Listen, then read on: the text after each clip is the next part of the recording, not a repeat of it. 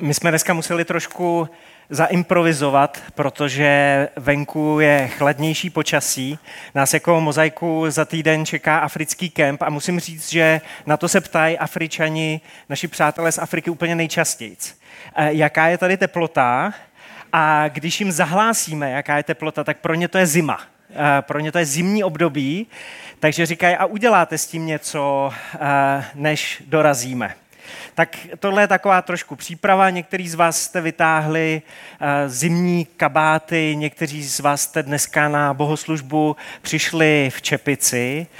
A tak si říkám, jestli by vám trošku nepomohlo, kdybych vás vzal víc na jich, kdyby jsme spolu vyrazili k moři.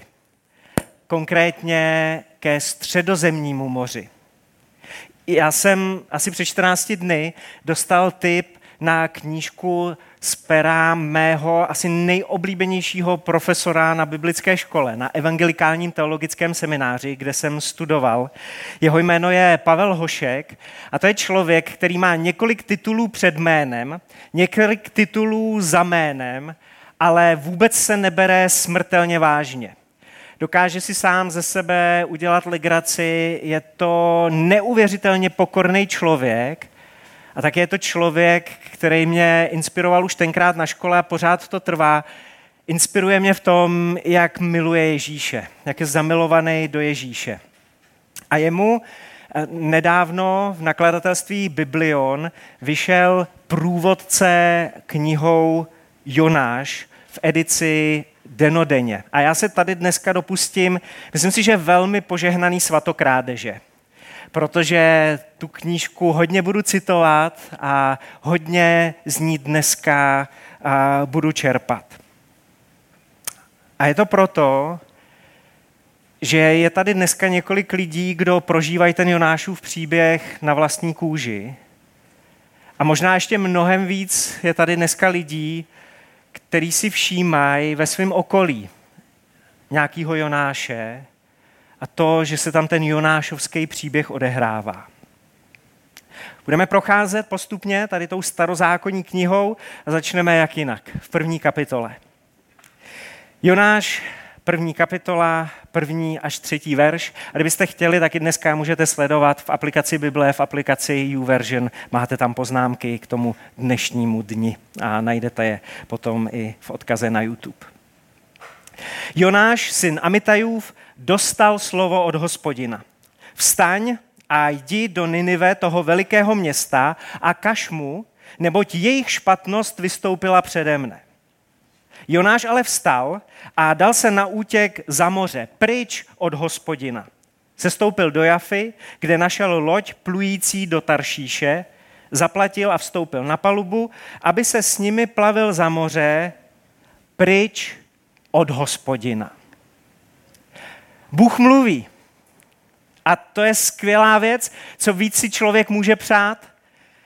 Jedna z nejčastějších otázek, kterou dostávám, nebo jeden z takových nejčastějších požadavků, který dostávám jako pastor, je, aby Bůh někomu něco řekl, aby Bůh nějakým způsobem reagoval, odpovídal, aby byl slyšet jeho hlas. Ale co když uslyšíme něco, co nechceme slyšet? Co když nám Bůh řekne něco, o čem si řekneme, že se nám do toho nechce, nebo u čeho budeme mít pocit, že na to vůbec nemáme sílu, že to je pro nás těžký? Něco, co se týká tvýho chování. Něco, co se týká tvýho manželství. Něco, co se týká tvojí vytrvalosti, tvojí věrnosti. Něco, co se týká společenství církve, kam patříš. Bůh Jonášovi řekne, vstaň a jdi a Jonáš skutečně vstane, ale jde úplně jiným směrem. Nejde do toho, do čeho mu Bůh říká, že, že do toho má jít. Dá se na útěk, pryč od hospodina a aby nám to neuniklo, tak to tam čteme hned dvakrát za sebou. Pryč od hospodina. Nebeský hlas posílá Jonáše na východ a on vyrazí na západ. Nebeský hlas posílá Jonáše na pevninu do města jménem Ninive a on se vydá na moře. Kličkuje, uhýbá, snaží se před Bohem schovat. Hospodin však na moře seslal veliký vítr. Jsme ve čtvrtém a pátém verši. A na moři se strhla tak veliká bouře, až hrozilo, že loď stroskotá. Námořníci strachy volali každý ke svému bohu a vyhazovali náklad z lodi do moře, aby ji odlehčili. Jonáš zatím sestoupil do podpalubí, kde si lehl a tvrdě usnul. Od chvíle, kdy se Jonáš otočil k Bohu zády, tak směřuje dolů. S jeho životem to jde z kopce. Ve třetím verši jsme četli, že sestoupil do Jafy a teď v pátém verši čteme, že sestoupil do podpalubí. Jde níž a níž. Námořníci se můžou přetrhnout, Jonáš nepomáhá. Zaleze si. Chce se prostě někam zašít a počkat, až se to, co se kolem něj děje, prostě nějakým způsobem přežene, až se to uklidní. Já si myslím, že jednou z největších tragédií Božího království jsou pasivní muži.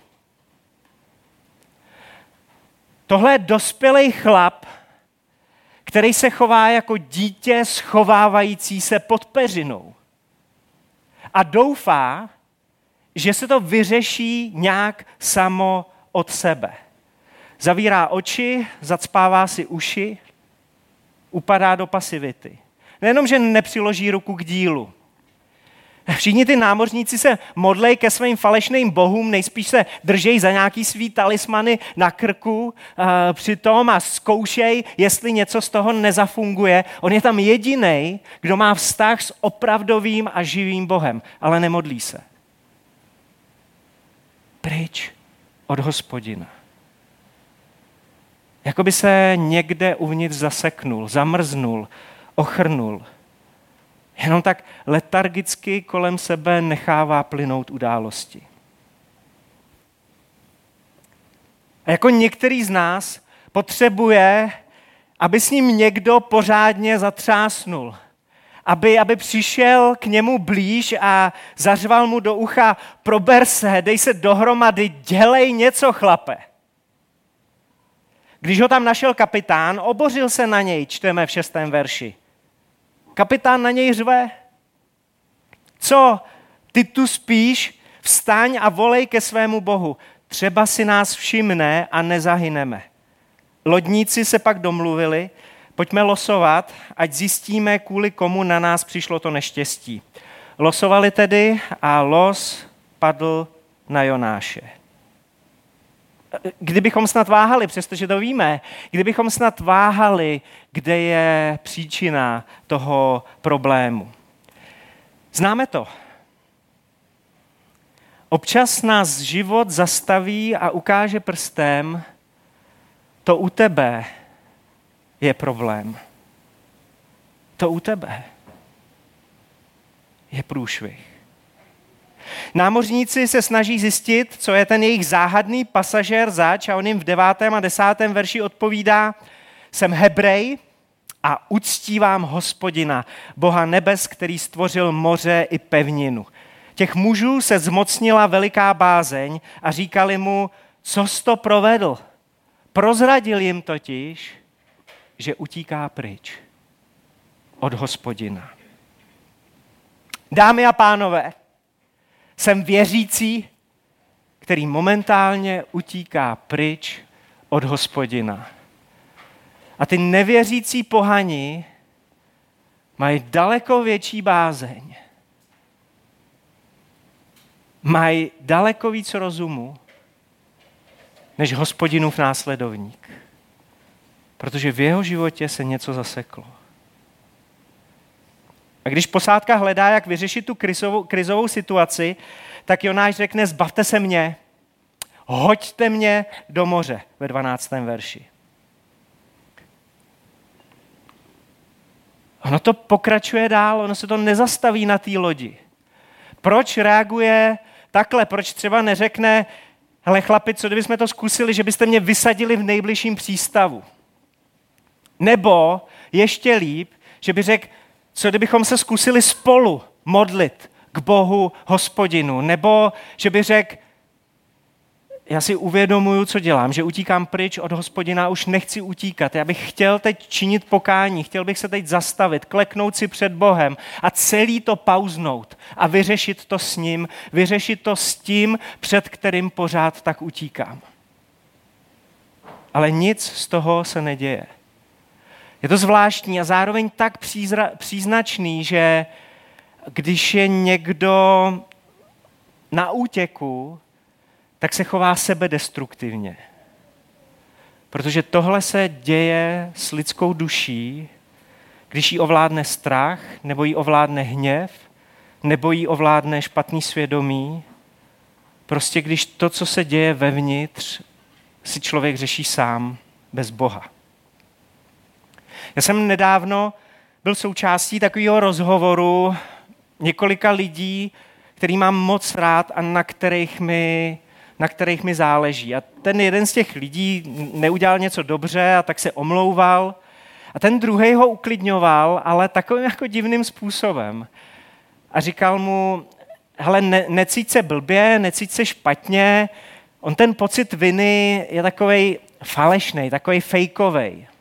A já jsem to nevydržel, já jsem do toho rozhovoru musel zasáhnout a říkal jsem, ale přece, když někdo udělá něco špatně, tak je normální, že prožívá vinu. A je důležitý s tou vinou umět jako správným způsobem naložit. A správný naložení není to, že začnu lhát sám sobě a budu si říkat, že se nic neděje a že to je jenom fejková vina. Že to je jenom nějaký pocit. A když jsem sledoval rozhovor těch lidí, tak jsem si uvědomil, že když se to neřeší s Bohem, když se neřeší vina s Bohem, když se neřeší pochybnosti s Bohem, jak je to zoufalý. Jak je to osamělý a jak je to bezvýchodný. Jonáš se dostal do bodu, kdy říká, mně už je to všechno jedno. Hoďte mě přes palubu. A ty lodníci, ty pohani, pořád se snaží vymyslet nějaké řešení, aby to nemuseli udělat. A tak začnou veslovat na pevninu. Ale nefunguje to. Nedaří se jim to. A tak nakonec zdráhavě přistoupí na ten Jonášův návrh. A přestože si nejsou úplně jistý, jestli věří v toho samého Boha, co Jonáš, tak se tomu Bohu pro jistotu omlouvají. Že něco takového dělají. A Jonáš, prorok, boží muž, vypadalo to, že už nemůže klesnout hloubějc, tak padá na úplný dno. A podle mě si neuvědomuje jednu věc, která ani nám jako čtenářům v 21. století nemusí dojít na první dobrou. Moře ve starověku, a když budete číst Bibli, tak se to tam opakuje znova a znova. Moře ve starověku bylo vnímaný jako nepřátelský živel vůči Bohu. Jako něco, co patří do satanova království. Takže nejenom, že Jonáš říká, mně už je to všechno jedno, on říká, čert mě vem. Doslova. On se nechá hodit přes tu palubu a vrhne se do náruče nepřítele. Protože když nebudeme svůj život řešit s Bohem, tak dřív nebo později tam skončíme, protože není žádná neutrální půda. Buď to je to k hospodinu, anebo pryč od hospodina. Neexistuje žádný jiný směr. A někdy si jako lidi říkáme, že je důležitý být, být Bohu blízko a vnímat Boží blízkost a určitě to jako důležitý je, ale víte, někdo může být Bohu blízko, tohle je Boží muž prorok. Ale přitom je otočený Bohu zády. Někdy na tom směru záleží daleko víc. Pryč od hospodina, nebo směrem k hospodinu. Druhá kapitola, když se Jonáš propadá ke dnu, začíná těmito slovy. Hospodin však zařídil, hospodin to zařídil. Hospodin se o to postaral. Aby Jonáše spolkla jedna veliká ryba a Jonáš v jejím břiše strávil tři dny a tři noci. V břiše té ryby se Jonáš modlil k hospodinu svému Bohu. Jonáš není sám, i když si tak nejspíš připadal. Bůh se o něj stará. Ten, ke kterému se Jonáš otočil zády, se vydává do té nejhlubší propasti za Jonášem. Prostě proto, že tam Jonáš je. Bůh neříká, víš co, šlapej chvíli vodu, až vyplaveš, tak to zase bude dobrý. Nebo když, když spadneme do jámy, tak říká, ale nahážu ti tam nějaký materiál, postav si z toho žebřík. Já počkám tady nahoře, až vylezeš. Bůh za náma sestupuje tam, kde jsme, protože je to zachránce, protože je to spasitel. A jde přesně na to místo. A za Jonášem přichází jako milující a trpělivý táta, který nenechá na pospas vzdorovitý děcko. Až v útrobách veliké ryby Jonáš konečně trochu roztaje. Až do posud to tenhle náboženský profesionál zvládal bez modlitby. Řekl si, já, já, já se o sebe nějak postarám, já, já to dám. Já to dám. Ale ve tmě rybího břicha Jonáš prolomil svoje zaryté mlčení. Modlí se. Konečně zvedá svoje oči k nebi. A my můžeme zahlédnout, když si čteme tu Jonášovu modlitbu, kde se bere ta naštvanost, kde ta tvrdohlavost, ale taky zároveň ta vystrašenost malého dítěte má svoje kořeny.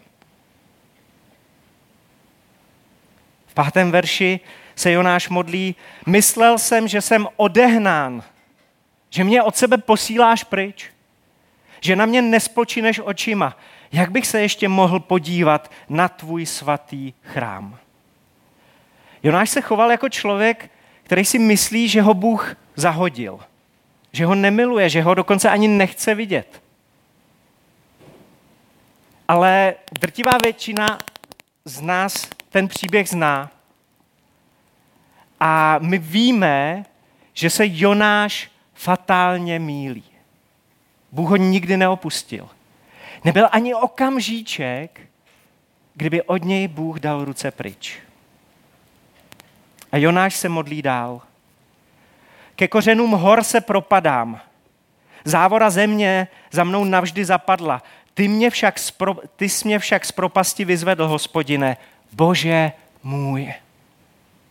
Když už mě život opouštěl, na hospodina jsem se rozpomněl. Má modlitba k tobě dolehla, našla tvůj svatý chrám, zase jdu do tvojí přítomnosti. To nedělám já.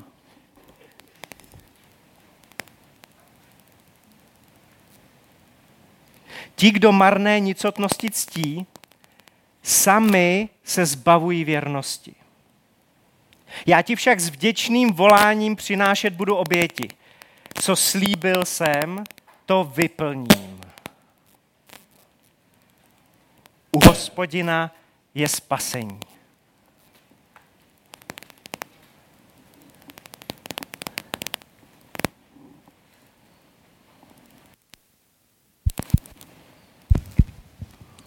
Dnešní bohoslužba se line tak jako v duchu svatém a v duchu improvizace.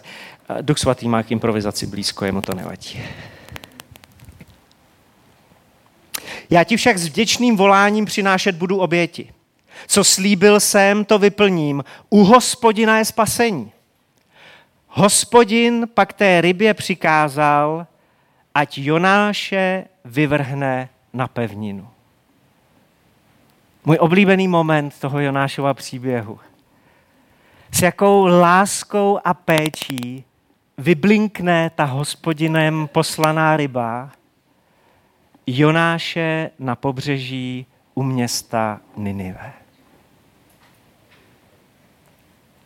Kapitola pokračuje Jonášovým krátkým kázáním. O tom je ta třetí kapitola, Jonáš v Ninive. Jonáš káže o božích soudech a, a vyzývá Ninivany k pokání a oni skutečně to pokání činí. Třetí kapitola je o boží milosti a slitování. Bůh se smiluje a nenaloží s Ninive, jak si Niniváci zaslouží. Jenže Jonáš s tím má problém. Ten, který opakovaně zažívá boží milost, má problém s tím, když milost dostává někdo jiný. A tak ve čtvrté kapitole čteme. Jonáše popadla veliká zlost, rozlobilo ho to tak, že se k hospodinu modlil. No prosím, hospodine, neříkal jsem to ještě doma, právě proto jsem předtím utíkal za moře. Věděl jsem, že si Bůh milostivý a soucitný, schovývavý, nesmírně trpělivý, velmi laskavý a který od zla upouští. A to mě štvé, Bože, když to dostává někdo jiný. Radši mě teď, hospodine, rovnou zabij, se modlí Jonáš. To radši zemřu, než aby žil. To jsou propady věřícího člověka. Nejdřív říká, s vděčností tě budu chválit. Zažívá hezký nedělní schromko, sice v břiše ryby, ale je to fajn. A pak se stane něco, seřve manželku, seřve děti a pak seřve svého Boha.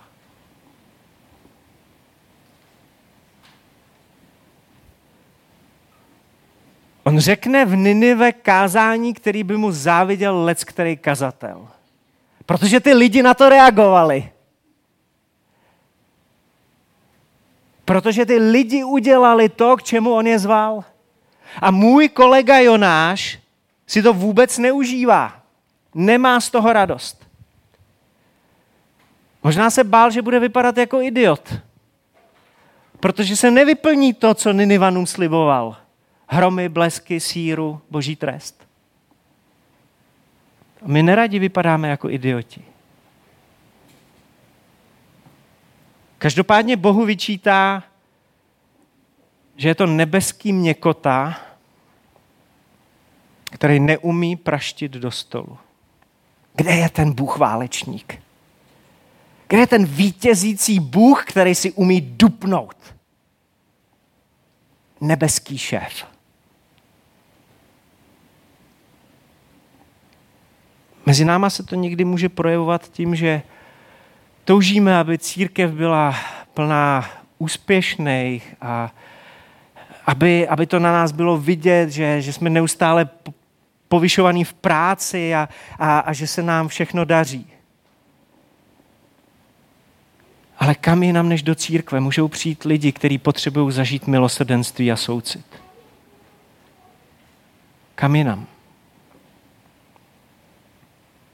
Jonáš vyčítá Bohu, že je laskavý, soucitný, trpělivý a že to těma svýma nebeskýma vlastnostma pokazil jako vždycky. Hospodin mu odpověděl, myslíš, že se zlobíš právem? Slyšíte ten tón v božím hlase? Znova trpělivý táta, který domlouvá trucujícímu dítěti. U nás v rodině se traduje, jak jsem se vstekal na autobusových zastávkách. Lehal jsem si tam do prachu, lehal jsem si na silnici. Moji rodiče zkoušeli různý způsoby, taky to jako pápa, tak my jdeme. Nejvíc na mě fungovala studená sprcha. Prostě mě čapli z té ulice, hodili mě do sprcháče a osprchovali mě studenou vodou. Dlouho už jsem se pak nevstekal. Bůh mohl použít spoustu výchovných prostředků. Ale on promlouvá do Jonášova srdce a ptá se ho. Protože otázka nás vždycky zastaví. Vždycky. Přestaneme utíkat. Myslíš si, že se zlobíš právem? Bůh jako trpělivý rodič, který konejší svýho syna, který kolem mlátí ručičkama a kope nožičkama, přestože to je dospělý chlap. Někdo by Jonáše už dávno odepsal jako drzího fracka, který to Bohu jenom komplikuje. Který to dělá horší, ne lepší. Jako drzouna, který mu nejlíp ze všeho jde odmlouvání. Ale Bůh takový není. Bůh nikoho z nás neodepíše. A dokonce ve chvíli, kdy se Jonáš usadí na takový vyhlídce na Ninive a říká si, třeba si to Bůh ještě rozmyslí.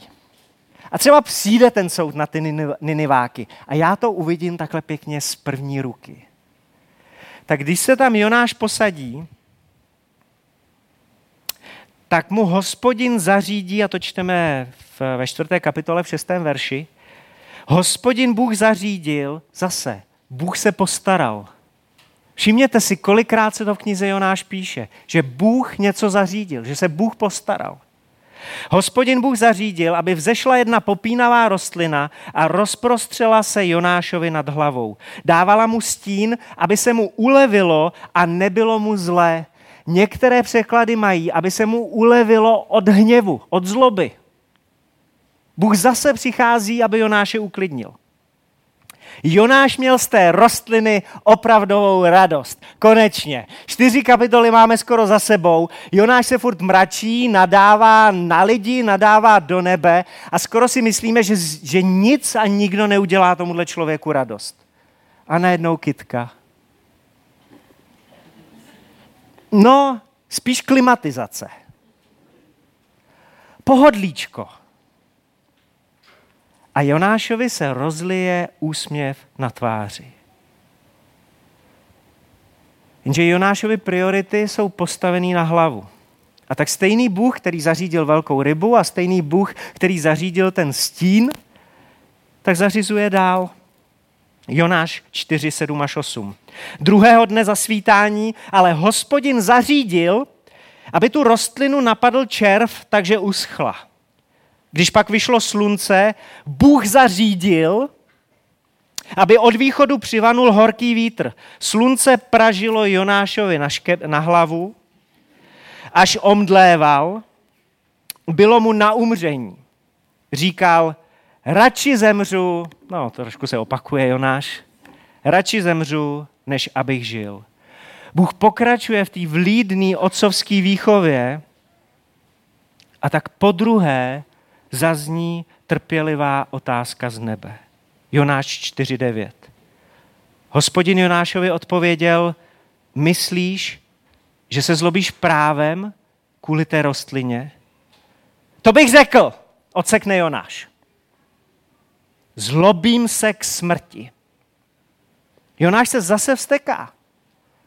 Ale co je důležité, že najednou z toho hněvu vyhřezne ještě něco, co se celou dobu skrývá pod povrchem. Sebelítost. Tohle duchovní klíště, tenhle duchovní upír, tahle duchovní mrcha. Sebelítost. Jonášovi není líto lidí v Ninive. Jonáš dokonce ani nelituje převráceným postojům ve svém vlastním srdci ale je expert na litování sám sebe. Bože, teď to neudělal pomim. Bože, teď je to jinak. Bože, teď mi bylo chvíli hezky. A teď už mi není hezky.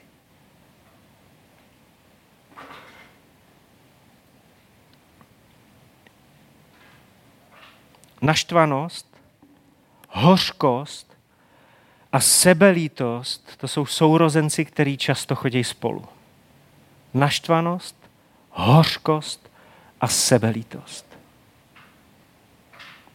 Tahle nesvatá trojice se často pohybuje společně. Tobě je líto té rostliny, řekl hospodin, vždyť si ji neobdělával a nepěstoval. Přes noc vyrostla, přes noc zašla. To je předposlední verš celý knihy Jonáš. A pak přichází verš, věta poslední. A Bůh se ptá. Neoznamuje, Bůh se zase ptá. A mně nemá být líto Ninive, toho velikého města. Vždyť v něm žije víc než 120 tisíc lidí, kteří ani nerozeznají svou pravici od levice a k tomu tolik zvířat. Jonášův příběh má schválně otevřený konec. Aby každý, kdo ten příběh čte, a dneska jste to vy, vy, kdo jste tady na schromáždění mozaiky, vy, kdo se díváte na YouTube, aby každý věděl, že tahle hospodinová otázka směřuje na něj a že je mnohem důležitější, jak na ní odpovíš ty, než jak na ní odpověděl kdysi Jonáš. Protože to ani nevíme. Ale jak odpovíš ty? Je to totiž otázka, ve který se Bůh dovolává lidského soucitu. Chápete to? Bůh prosí člověka o milosedenství k jinému člověku. Přemlouvá nás, abychom obměkčili srdce, abychom projevili laskavost, soucit, milost a trpělivost. Mezi náma ve společenství církve, mezi našima nejbližšíma v rodině, mezi lidma, se kterými se každý den potkáváme v práci. Na tuhle boží otázku se dá odpovědět jedině životem, ne nějakou filozofickou diskuzí. Na tuhle otázku odpovíš tím, kým seš, kým se staneš. Úplně každý člověk kolem sebe šíří kvalitu toho, co uctívá. Co kolem sebe šíříš ty? Jaký je tvůj Bůh? Kdo je tvůj Bůh? a kterým směrem aktuálně míříš. K hospodinu, anebo pryč od hospodina.